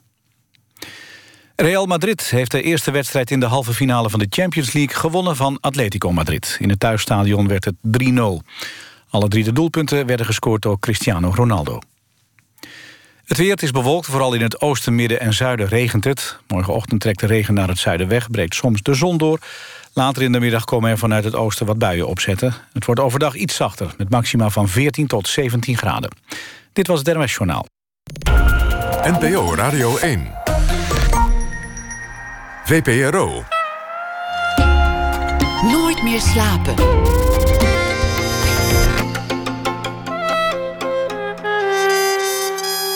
Met Pieter van der Wielen.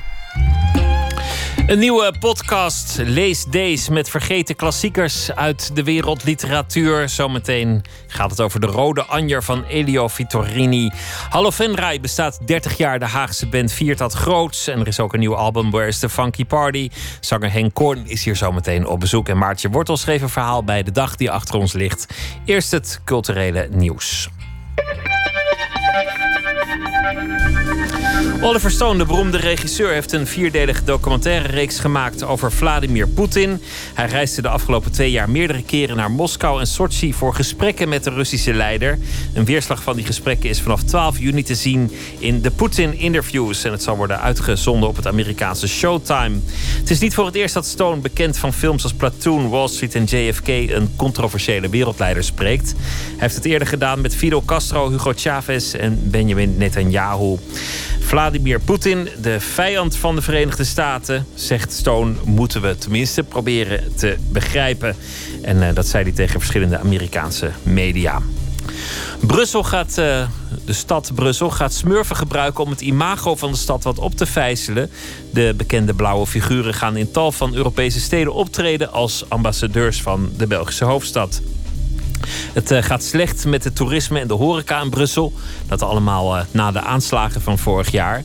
Reden voor de Brusselse regering om de komende zes maanden een campagne te voeren in heel Europa.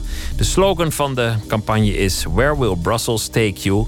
En naast uh, de smurfen zullen ook Eddy Merckx en voormalig voetballer Paul van Himst meedoen aan deze campagne. De Amerikaanse filmmaker en uh, anti-Trump-activist Michael Moore maakte eind juli zijn toneeldebuut in New York met een one-man show, The Terms of My Surrender. Op de poster van de voorstelling stelt hij de vraag: kan een Broadway-stuk een zittende president afzetten? Het is een humoristisch stuk over een land dat net een gek heeft gekozen, zegt Moore. Iedere avond, twaalf weken lang, zal de presidentiële lodge van het theater gereserveerd zijn voor Trump of voor zijn naasten, mochten die zin hebben om langs te komen. En dan was er uh, mooi nieuws voor het uh, Haagse antiquariaat Focus Holthuis. Ze hebben namelijk de collectie boeken, de bibliotheek van Joost Zwagerman, opgekocht. Gaat om ruim 100 boeken. Aan de telefoon Nick van der Wal. Goeienacht. Goeienacht. De bibliotheek van Joost Zwagerman. Wat voor boeken hebben we het uh, over? Um, we hebben het over boeken die, als je ze zo op het eerste gezicht ziet... er niet heel erg bibliofiel of interessant uitzien... Uh, want het zijn pockets, het zijn allemaal paperbacks. Ze zien er heel intensief gelezen uit. Maar als je ze wat beter bekijkt, zijn het eigenlijk toch heel bijzondere boeken. Omdat Joost Zwagerman ze vaak flink bestudeerd heeft. Allerlei aantekeningen in de kant, kantlijn heeft gemaakt. En ook veel boeken gekregen heeft van collega's. Dus, dus daar staan dan vriendelijke opdrachten in. En sommige boeken vormden ook de basis voor, voor essays bijvoorbeeld. Dus daar heeft hij aantekeningen in gemaakt, ja, uh, naar ik heb begrepen. Dus, dus je ziet, als je heel goed kijkt, misschien ook wel een beetje Zwagermans werk ontstaan op de bladzijde. Ja, zeker, zeker. Uh, veel van die boeken die wij nu te koop aanbieden, die uh, heeft hij in de jaren tachtig gekocht of gekregen. Omdat hij ook boeken recenseerde voor Vrij Nederland en HP De Tijd. En je ziet, echt, uh, je ziet hem uh, ja, echt uh, zijn oordeel vormen aan de hand van wat hij leest. Dus hij maakte echt heel veel ezelsoren. hij schreef allerlei uitroeptekens. Hij onderstreepte allerlei zinnen. Dus ja, je, kunt daar, je kunt er echt aan afzien wat hij van een boek vond. Hoe zijn jullie eraan gekomen? Wij zijn eigenlijk getipt door een collega in Amsterdam... die ook toen Joost Wageman nog leefde, wel regelmatig bij hem op inkoop ging. Want jo Joost Wageman kreeg natuurlijk heel veel boeken als recensent cadeau en als mediafiguur. Natuurlijk ook als je bij DWDD een paar keer zit, wil iedereen dat je zijn of haar boek daarin gaat aanprijzen. Dus die collega uit Amsterdam kwam daar vaak en is ook na de dood van Zwageman in 2016 uh, is daar ook uh, uh, ja, op inkoop geweest. En heeft heel veel, ja, duizenden boeken daar weggehaald. En eigenlijk de mooiste dingen bewaard. En daar hebben wij nu een mooie catalogus van gemaakt. Is dit voor jullie een, een, grote vangst of is het gewoon leuk? Um, nou, een grote vangst in de zin van dat we er een half jaar van op vakantie kunnen niet. Maar het is wel ontzettend leuk. ik heb deze catalogus ik ben er een paar weken mee bezig geweest. En het is wel ontzettend leuk om die boeken allemaal door je handen te laten gaan. En ja, ook wel, je komt toch wel iets over Zwageman te weten. Ja, kleine, kleine, kleine dingetjes kunnen dat zijn. Een ezelsoor op een pagina of een, een aangestreepte passage. Of, nou ja, dus wat ik nu, ik sta nu voor de kast en Adriaan van Dissy gaf dan in 1994 zijn roman Indische Duinen cadeau aan, aan Joost Vageman. En zette dan een mooie poëtische opdracht in. Dus dat is, ja, dat is toch wel bijzonder om mee in aanraking te komen. Leuk voor de fans om, om te hebben. Veel succes en dank u wel, Nick van der Waal. Dank je wel.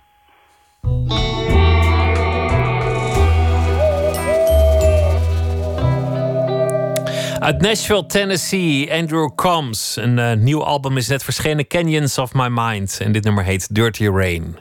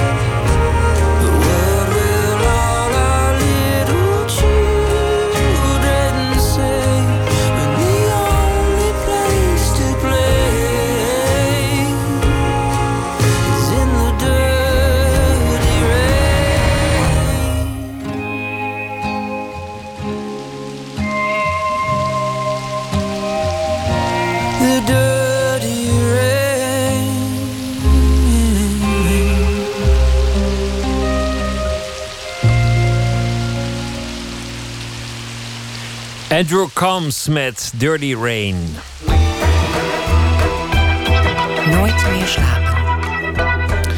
Zelfs de beste boeken kunnen volledig in de vergetelheid geraken. De actie Schwab is een actie van het Letterenfonds samen met boekhandels en uitgeverijen waarin ze proberen vergeten klassiekers terug in het licht te brengen.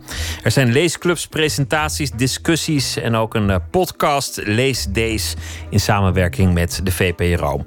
Anton de Goede in gesprek met schrijver Ernest van der Kwast en vertaalster Emilia Menkveld over het boek De Rode Anjer van Elio Vittorini.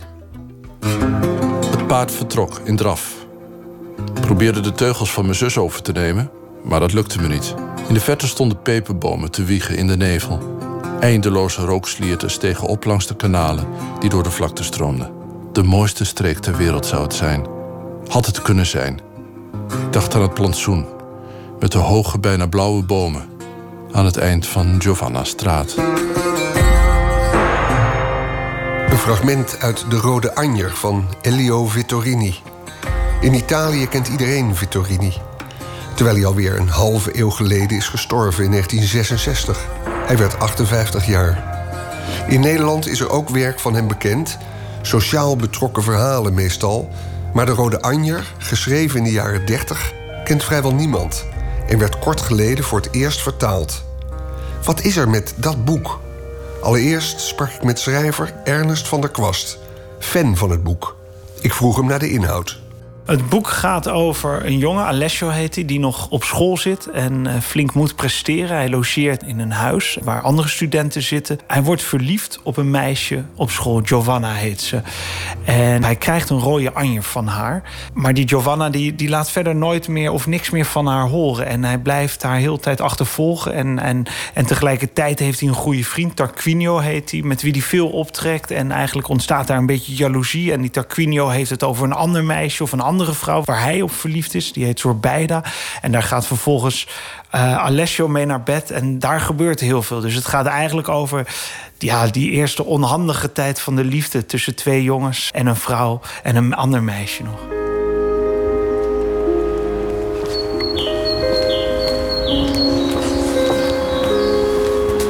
Beetje een achterafstraat in Amsterdam, Oud-West. 19e eeuwse wijk. Hier woont ergens op nummer 121 hoog Emilia Minkveld. En zij is de vertaalster van De Rode Anja. De vertaalster, want dit boek is niet eerder in het Nederlands uitgekomen. Gaan we vragen hoe dat eigenlijk zit en wat zij ervan denkt. Want het boek dat zo bekend is, waarom zou daar niet eerder een vertaling van zijn gemaakt? Hoi, hallo. Hey, Emilia Minkveld. Ja, hallo, kom binnen. Ja. Dit is echt een, een vroeg werk van Elio Vittorini. Uh, zijn bekendste boek is in Nederland misschien uh, Gesprek op Sicilië. En uh, daarin is hij politiek en ook in zijn literaire werk is hij alweer veel verder. En dat is eigenlijk niet meer, bijna niet meer te vergelijken met dit werk. Dit is zo anders. En ik denk, in de jaren negentig zijn er wel veel boeken van hem vertaald. Maar dat behoort volgens mij allemaal een beetje tot dat latere oeuvre. En dit is dus een soort van, ja, parel die dan is, is blijven liggen.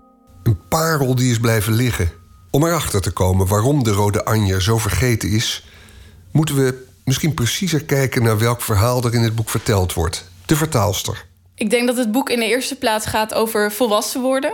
En ook ja, zowel uh, over een jongen die in alle facetten van zijn leven op zoek is. Zowel in politiek opzicht als in de liefde. Uh, het boek begint dus met een soort uh, grote verliefdheid op een schoolgenootje, Giovanna. En zij is een, geïdealiseerde schone van wie hij één keer een kus krijgt en dan verdwijnt ze eigenlijk uit zijn leven. En zij maakt dan plaats voor Zobeida. En Zobeida is een prostituee die hem ook inleidt in, in het seksuele en in het, nou ja, alles wat daarbij hoort. En zij is eigenlijk uh, een beetje de tegenovergestelde van die, van die uh, ja, geestelijke liefde die hij bij Giovanna vindt. En um, ik denk dat er, ja, dat zijn twee kanten van de liefde die hij graag in één vrouw verenigd zou willen zien. Maar dat, ja, dat gebeurt niet. En, en, en het draait helemaal om volwassen worden, om uh, ja, van een soort jongensleven waarin hij zit met zijn schoolvriendjes en ze hebben allemaal bijnamen voor elkaar en voor alle plekken waar ze naartoe gaan.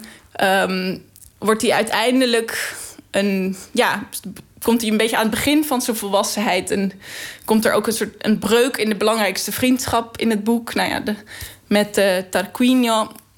En in die vriendschap zit ook de rivaliteit in de liefde. En wat ik het goede vind aan het boek is dat het zo bruist en vitaal is. Ja, het is, dat komt natuurlijk ook door de omgeving, door Sicilië en hoe uh, Vittorini dit, dat eiland neerzet met alle kleuren en geuren. En Alessio ziet overal mogelijkheden en, en idealen en fantasieën. En het is allemaal inderdaad vreselijk vitaal, ja. Maar met dit alles is nog niks gezegd over waarom het boek tot nu toe onbekend bleef in ons land. Maar dan, al lezende in de Rode Anjer, stuit je op passages waarin de hoofdpersonen geweld prediken en aanhangers blijken van Mussolini's fascisme. Het klonk een schot. We renden naar de balkons en zagen dat de straat leeg was. Er stond alleen een verlaten tram bij de Engelbewaarderskerk. Maar verderop bij de prefectuur stond een mensenmenigte... die schijnbaar getuige was van een terechtstelling. We hoorden krijgshaftige passen voorbij marcheren in een straat verderop... en af en toe klonken er oude fascistische leuzen... die in de verte wegstierven. Ik ging snel mijn zwarte hemd aantrekken... zocht een stok en ging naar beneden. Partijkantoor was gesloten en werd bewaakt door carabinieri. Ik kwam mensen tegen die me uitmaakten voor zwart hemd en me nafloten. Op het Domplein bevond ik me weer onder fascisten. Deze periode in het fascisme, dus vlak nadat Mussolini aan de macht is gekomen, na de Mars op Rome in 1922, is denk ik in Nederland vrij onbekend. Uh, het was toen nog niet nou ja, wat er later allemaal is gekomen met nou ja, Tweede Wereldoorlog, Hitler, weet ik wat. Het was een hele een, een, beweging die, die de boel opschudde. Die, die Mussolini wilde in zekere zin het land ook vooruit helpen en de, en de 20e eeuw intrekken. En um, ik, dat had een grote aantrekkingskracht op, op jongeren. En, en dus ook ook dat geweld, dat was ook een van de manieren om een soort om tot de revolutie te komen, om de nieuwe, de nieuwe tijd in te gaan. En je ziet ook bij die jongens dat ze. Um, ja, ze, hebben grote, grote ideeën allemaal, grote woorden. En ik denk dat ze toch vooral. Ik denk niet dat er een, een diepe ideologische uh, gedachte aan de grond zou zitten. Maar ze vonden het vooral gewoon heel spannend. En er ging iets veranderen. Er zat verandering in de lucht. Um, ja, en ik denk dat inderdaad in Nederland dat dat helemaal niet zo, uh, zo bekend is. Echte zwarthemden komen erin voor. En dan moet je er echt van griezelen. En ook als je ja. de muziek hoort die je daarmee associeert... dan lopen de rillingen eigenlijk over je rug. Ja, zeker. zeker. Als je uh, op YouTube die, die liederen gaat terugzoeken... want je kunt dat allemaal nog vinden... en je kijkt in de comments, dan is het ook best even schrikken. Want uh, er zijn nog steeds veel Italianen... die Mussolini echt een toffe peer vinden. Um, ja, maar dat, dat, is, dat is schrikken inderdaad. Dat is onvoorstelbaar eigenlijk.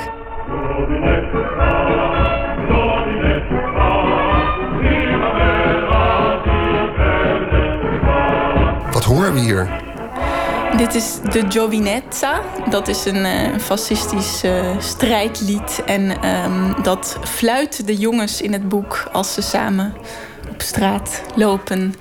Het geeft wel een idee van de sfeer in die tijd. En uh, wij voelen dat als een tegenstrijdigheid. Maar dit boek maakt wel duidelijk dat er toen heel iets anders aan de hand was. Het was eigenlijk een soort links-anarchisme wat die jongens hadden. Ja, absoluut. En je moet ook niet vergeten dat het fascisme en Mussolini waren op dat moment. Het was nog niet zo'n dictatoriaal gezag als het later is geworden. Het was een soort een vernieuwende beweging. Het was, uh, ja. Het was allemaal, alle, het was opwindend en het was, de muziek is ook het is opzwepend en, en, en ze lieten zich daarin meesleuren.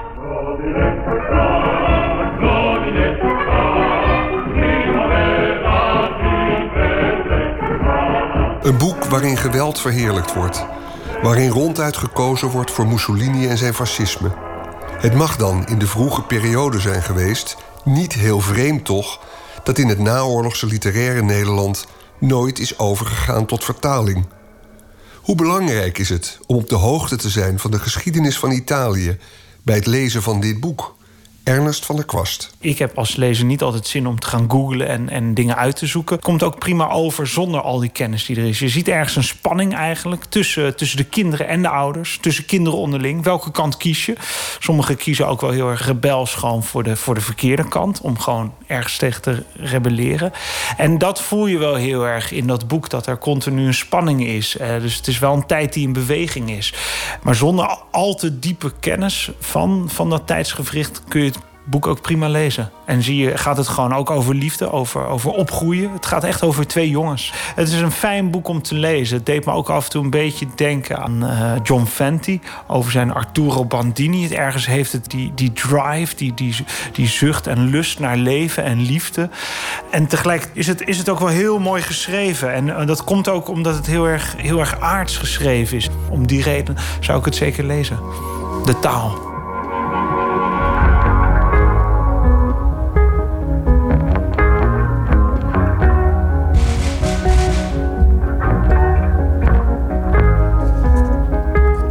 Ernest van der Kwast en vertaler Emilia Menkveld over de vergeten klassieker De Rode Anjer van Elio Vittorini. Een bijdrage van Anton de Goede en maakte deel uit van de podcastreeks Lees Days. Hallo Venray bestaat 30 jaar. Er is ook een nieuw album, Where is the Funky Party? En eh, we gaan luisteren naar een eh, nummer Ball.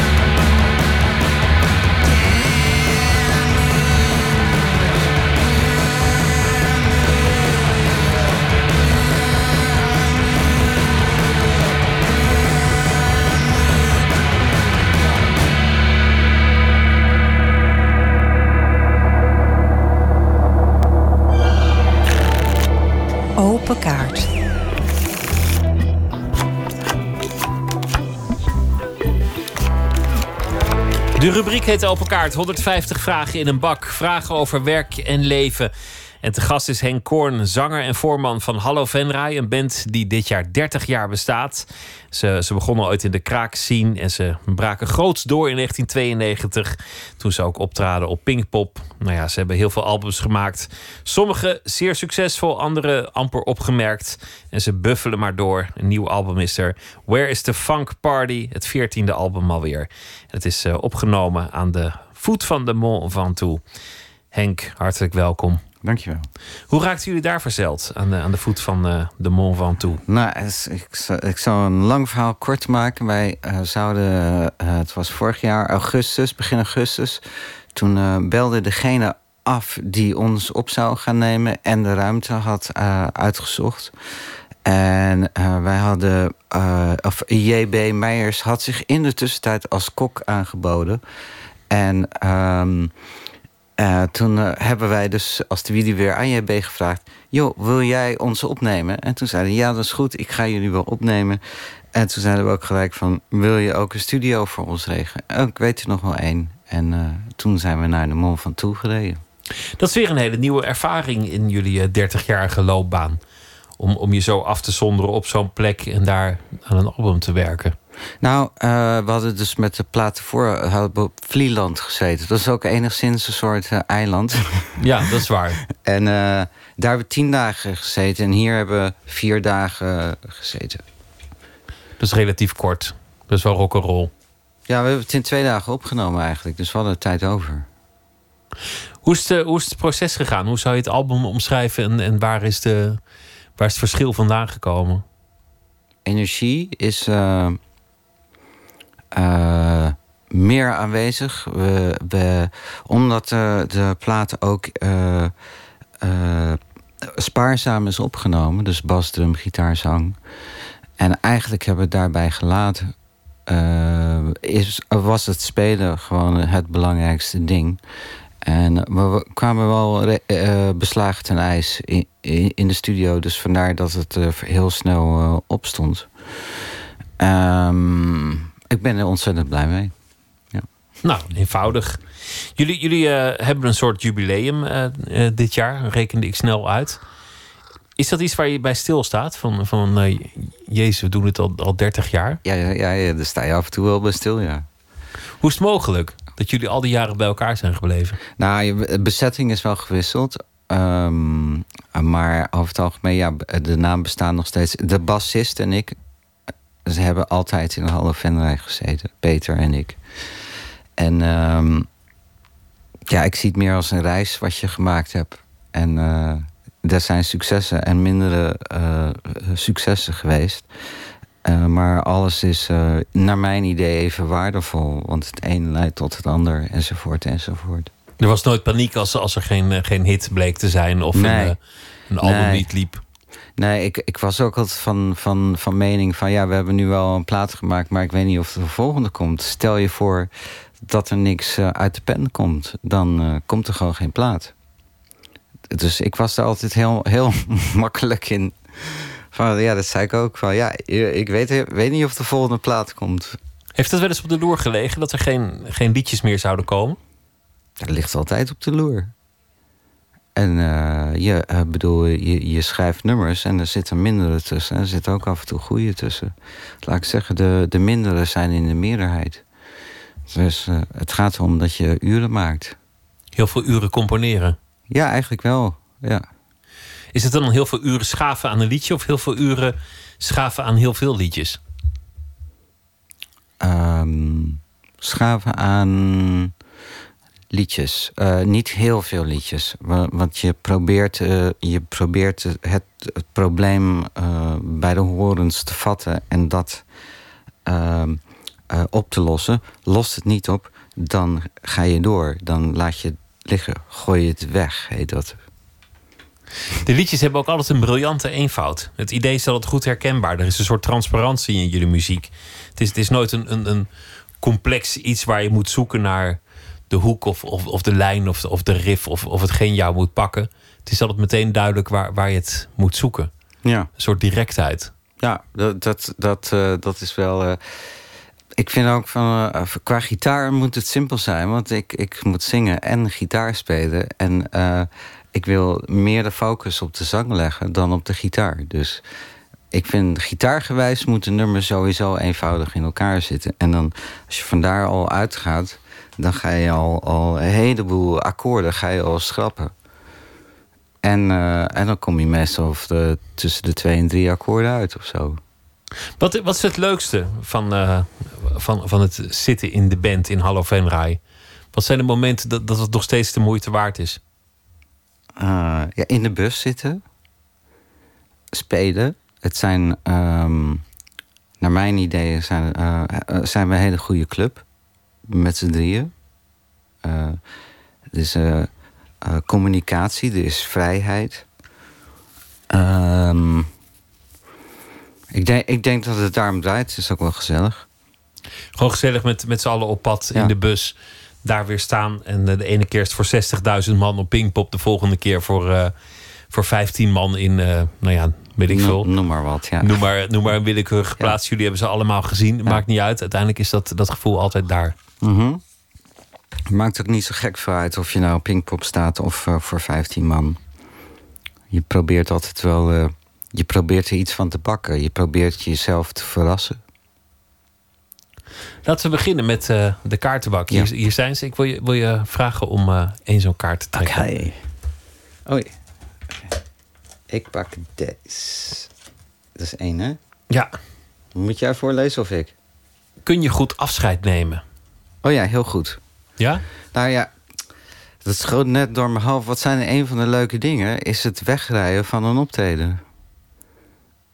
Het is gedaan, er is geen druk meer. Je weet dat alles is afgerond. Ja. En je, je hebt je spullen bij je. Je kan weg en je gaat van een soort eh, drukte... ga je weer naar in een soort kombuis van, eh, van eh, sereniteit.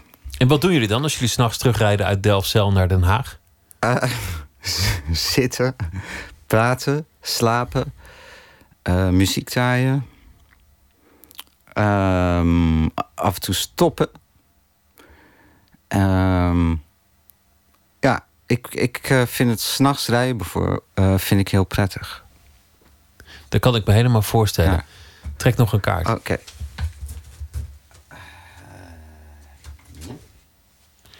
Wat wil je aan je kinderen meegeven? Um, dat.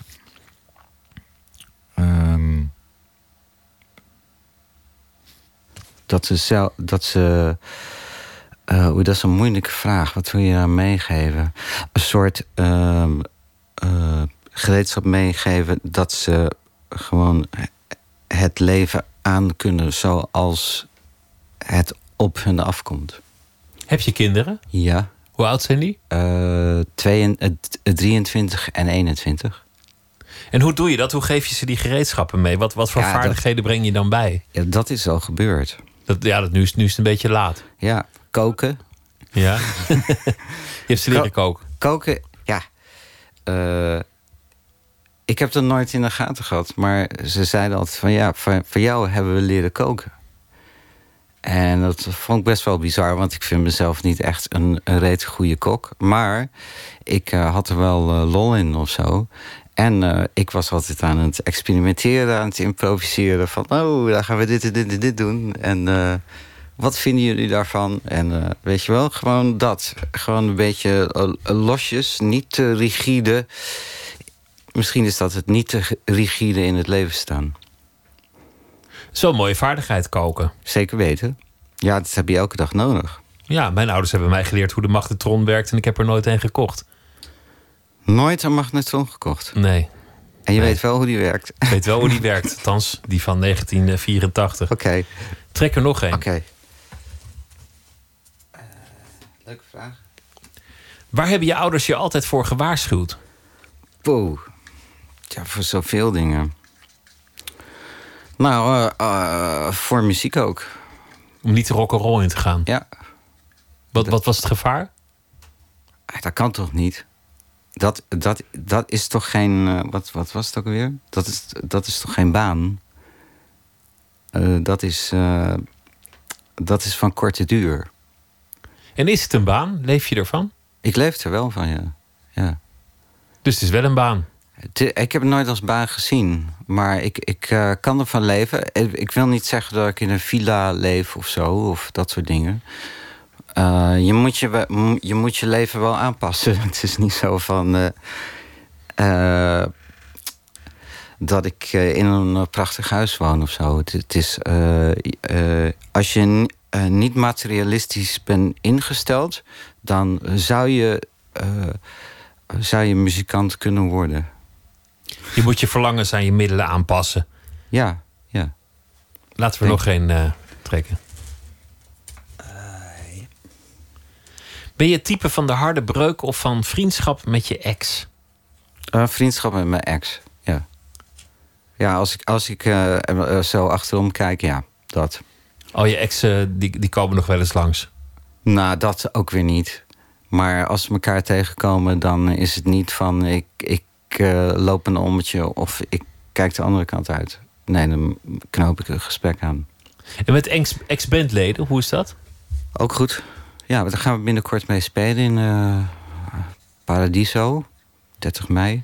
En dan gaan we ehm, de oude band, zeg maar, die op Pinkpop heeft gestaan... daar gaan we weer gewoon wat nummers mee spelen. Een leuke reunie. Ja.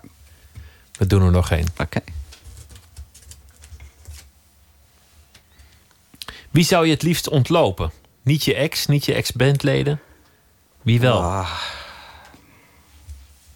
Niemand. Ik, eh, ik, eh, ik, ik.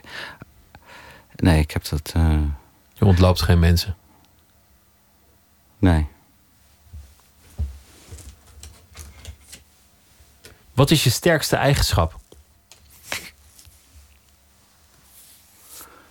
Dat ik, ehm, denk ik, nergens een probleem in zie. Problemen bestaan niet. Nee. Nee, dat is vaak als het eh, misgaat, dan is het des te. dan wordt het pas leuk. Dat is een nieuw begin. Ja, eigenlijk wel, ja. ja ik, ik, ik zie eh, problemen heb ik niet zo'n. eh, heb ik niet zo'n moeite mee. Van, oh, heel, heel, dat komt, komt wel goed. En, en als eh, bijvoorbeeld als je aan het spelen bent en, en het gaat helemaal fout. Het, het zeg ik altijd, ja, het kan niet fout gaan. Dat bestaat niet. Je maakt er gewoon iets anders van. Dat is, dat is gewoon een nieuw begin. Het, het is Ja. gewoon de, de volgende plek waar je naartoe gaat. Ja, ja. We doen nog één laatste vraag. Wat is een persoonlijke daad van rebellie geweest? Ja, de muziek in te gaan. Rebellie tegen je ouders. Ehm, ja, het was. eh, eh, ik, ik, op een gegeven moment, ik zat op de HTS. En ik zei tegen mijn ouders: joh, daar, daar wil ik mee stoppen. En ik wil de muziek in gaan. En, eh, nou, en toen eh, zei mijn vader van, nou, eh, dat vond, hij, eerst helemaal waardeloos. Maar goed, toen zei hij van, oké, maar bewijs dat even binnen drie maanden, binnen drie maanden dat jij dat, dat, jij dat kan. Ga jij maar eens een programma van een uur in elkaar zetten en doen wat optredens, laat even zien dat het ook mogelijk is. Dus dat heb ik toen gedaan. En de rest is eh, geschiedenis. 30 jaar Hallo Venray. Dank dat je te gast wilde zijn. 31 mei. eh, dan is het eh, feest in Paradiso. Het 30-jarig bestaan wordt dan gevierd. En het nieuwe album heet Where is the Funk Party? Henk Hoorn, dank je wel. Oké, ook bedankt. Hè. Ja.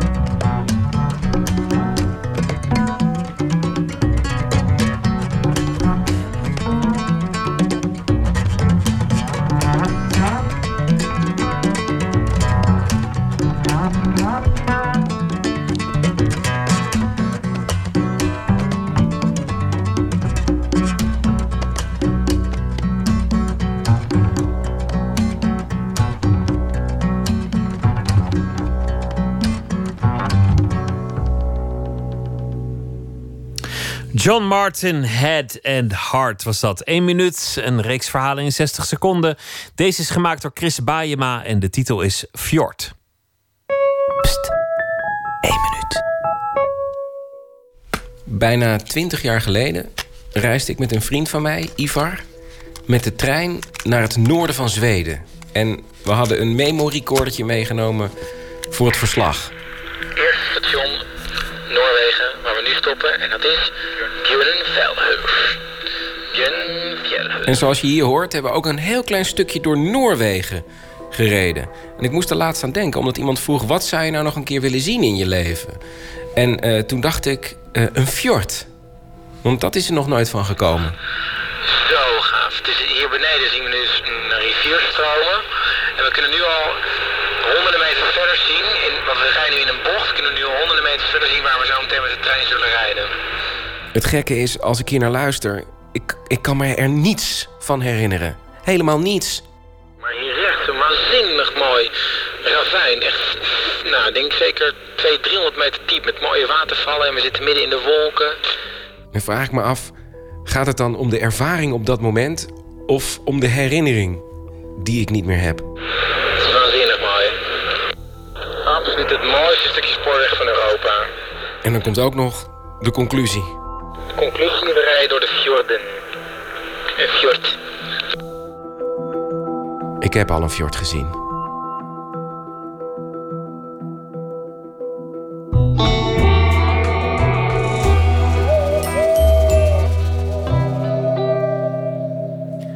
Maartje Wortel is deze week onze vaste schrijver. Ze zal elke nacht een verhaal maken bij de voorbije dag. Haar laatste boek heet Goudvissen en Beton. Maartje, goeienacht. Goeienacht Pieter, hallo. Hoe gaat het en wat voor dag was dit? Het gaat goed. Het was ook een prima dag.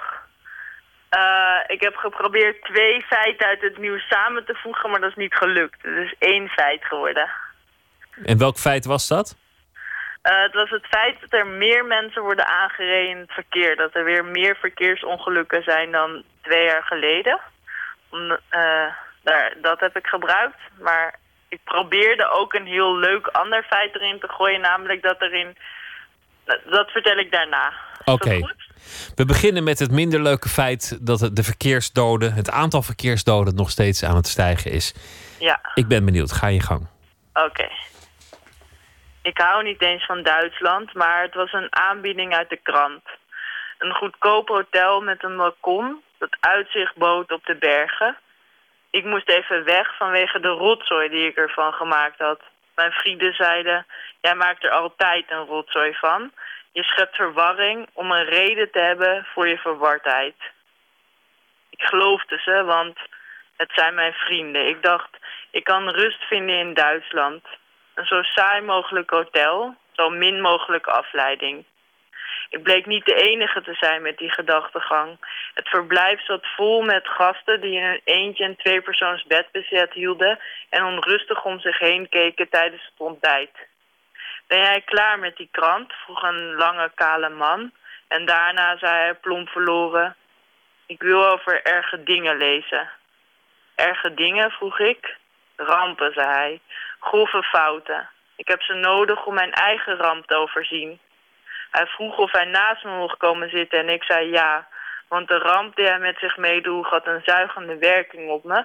We aten allebei een zacht gekookt ei. En hij vertelde nog voor het ei op was dat hij drie mensen had doodgereden. Midden in de polder. Onnodig, voegde hij eraan toe. Het leek me inderdaad nogal onnodig om mensen dood te rijden, maar ik zweeg en liet hem praten. Ik stuurde mijn vriendin een sms, zei hij. Wat schreef je haar dan, vroeg ik. Alsof zijn woorden de dood van die mensen zou kunnen rechtvaardigen. Ik heb honger, zei hij. Ik dacht dat hij de aandacht van de ramp die hij met zich meedroeg wilde afleiden. Het ontbijtbuffet was nog lang niet gesloten. Hij had zich ziek kunnen eten. Dat stuurde ik, zei hij. Ik heb honger. En terwijl ik dat schreef, reed ik op die mensen in. Hij sloeg gedachteloos de krant open, op zoek naar iets dat erger was. Het kan altijd erger, maar dingen laten zich uiteindelijk niet vergelijken. Zelfs honger niet. Een verhaal bij eh, het nieuws van eh, vanochtend dat het aantal verkeersdoden nog steeds eh, aan het stijgen is in Nederland. Een reden die trouwens volgens mij in de meeste stukken niet werd genoemd. De toename van het gebruik van mobiele telefoons en smartphones. Wat, wat toch logischerwijs wel iets met verkeersongelukken te maken zou hebben. Maar, ja. maar je zei ook iets over een vrolijk feit dat je er eigenlijk bij wilde halen, maar da- dat was niet gelukt. Wat was dat? Ja, ik, la- ik las op de website van de NOS dat er een vrouw was in een hotel in Duitsland. Daar ging ik eigenlijk eerst naartoe, maar toen kwam het toch op die verkeersdoden terecht. Dat er een vrouw was in een hotel in Duitsland en zij was daar en zij is zwanger gemaakt door een onbekende man. En zij wilde eh, zijn gegevens achterhalen. En hij heette Michael, maar er waren in die tijd vier Michaels die in dat hotel verbleven. En het hotel wilde die gegevens niet geven vanwege de privacy. Vond ik eigenlijk heel goed dat het nog steeds eh, kan en gebeurt. Dat mensen dat niet eh, willen prijsgeven. Want die vrouw is namelijk zwanger geraakt en heeft inmiddels een kind. En wilde achterhalen wie de vader was. En wat netjes van zo'n hotel. Dat, ze, dat ze dan de privacy van mensen die onbekende vrouwen zwanger maken in hotels beschermen. Ja, dat vond ik dus ook. Dat vond ik Want heel anders- opmerkelijk. Anders kom je in een wereld terecht dat je nooit meer zomaar iemand in een hotel kan bezwangeren zonder dat er meteen weer wordt aangebeld. Ja, maar dat, dat precies. Ik denk, ja, nu komen we de hele tijd wel in zo'n gebied van... oh, sla mensen met stokken, ga naar hotels en maak mensen zwanger. Dat wil ik nou ook weer niet deze hele week pro- eh, propaganda voor maken. Maar het is meer dat ik het wel heel fijn vond van het hotel... dat het nog bestaat, dat je gewoon niet een naamprijs geeft en...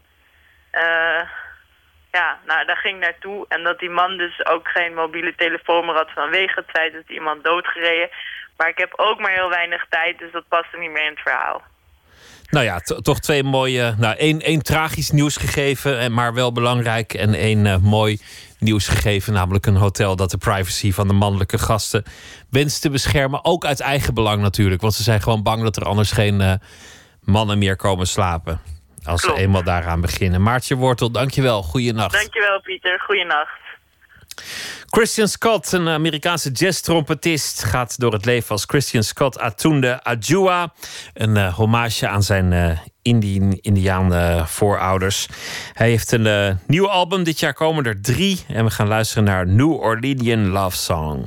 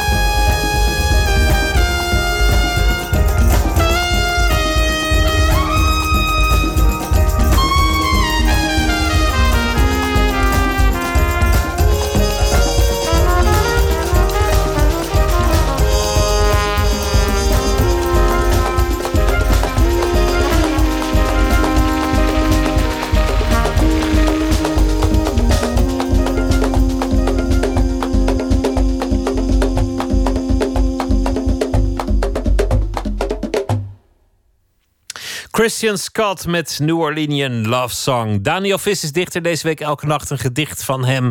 Deze heet Blackbox.exe 1.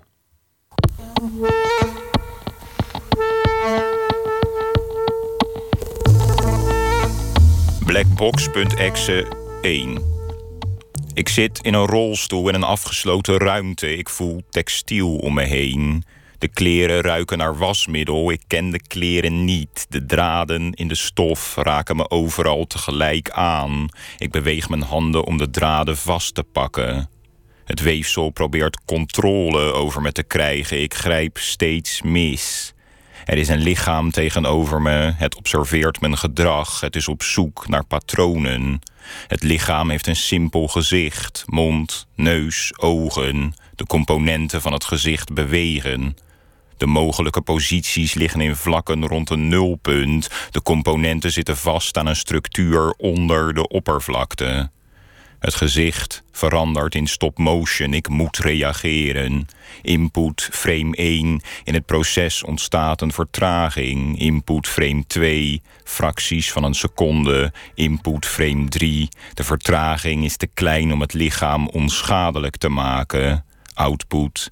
In respons vormt mijn gezicht automatisch van elk frame een kopie. Er is een programma tegenover me.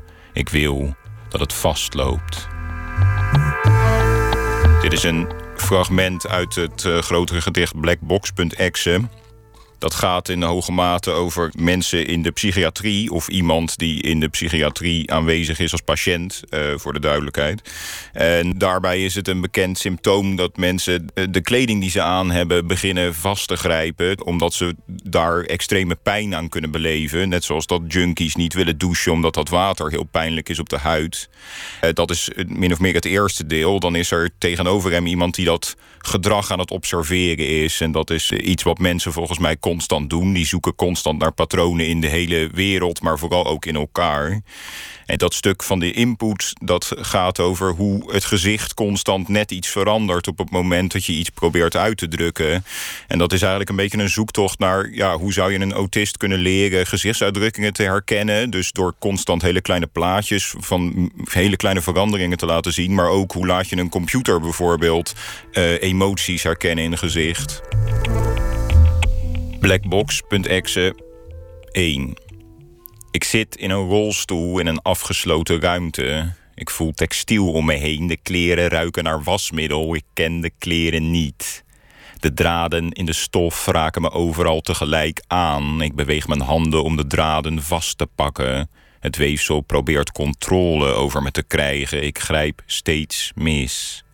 Er is een lichaam tegenover me. Het observeert mijn gedrag. Het is op zoek naar patronen. Het lichaam heeft een simpel gezicht. Mond, neus, ogen, de componenten van het gezicht bewegen. De mogelijke posities liggen in vlakken rond een nulpunt. De componenten zitten vast aan een structuur onder de oppervlakte. Het gezicht verandert in stop motion. Ik moet reageren. Input frame 1. In het proces ontstaat een vertraging. Input frame 2, fracties van een seconde. Input frame 3. De vertraging is te klein om het lichaam onschadelijk te maken. Output. In respons vormt mijn gezicht automatisch van elk frame een kopie. Er is een programma tegenover me. Ik wil dat het vastloopt. Daniel Vis las het gedicht Blackbox.exe 1. Morgen in Nooit slapen schrijver Murat Isik debuteerde in 2012 met zijn boek Verloren Grond. Een roman over het harde leven in Oost-Turkije. Nu een autobiografische roman Wees onzichtbaar over een tyrannieke vader. Dat allemaal morgen in Nooit meer slapen. Wens ik u voor nu een hele fijne, zachte nacht.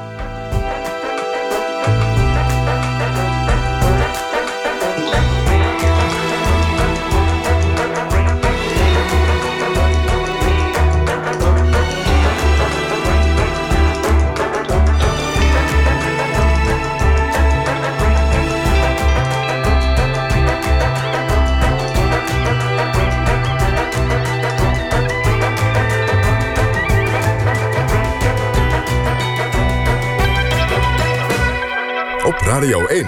Het nieuws van alle kanten.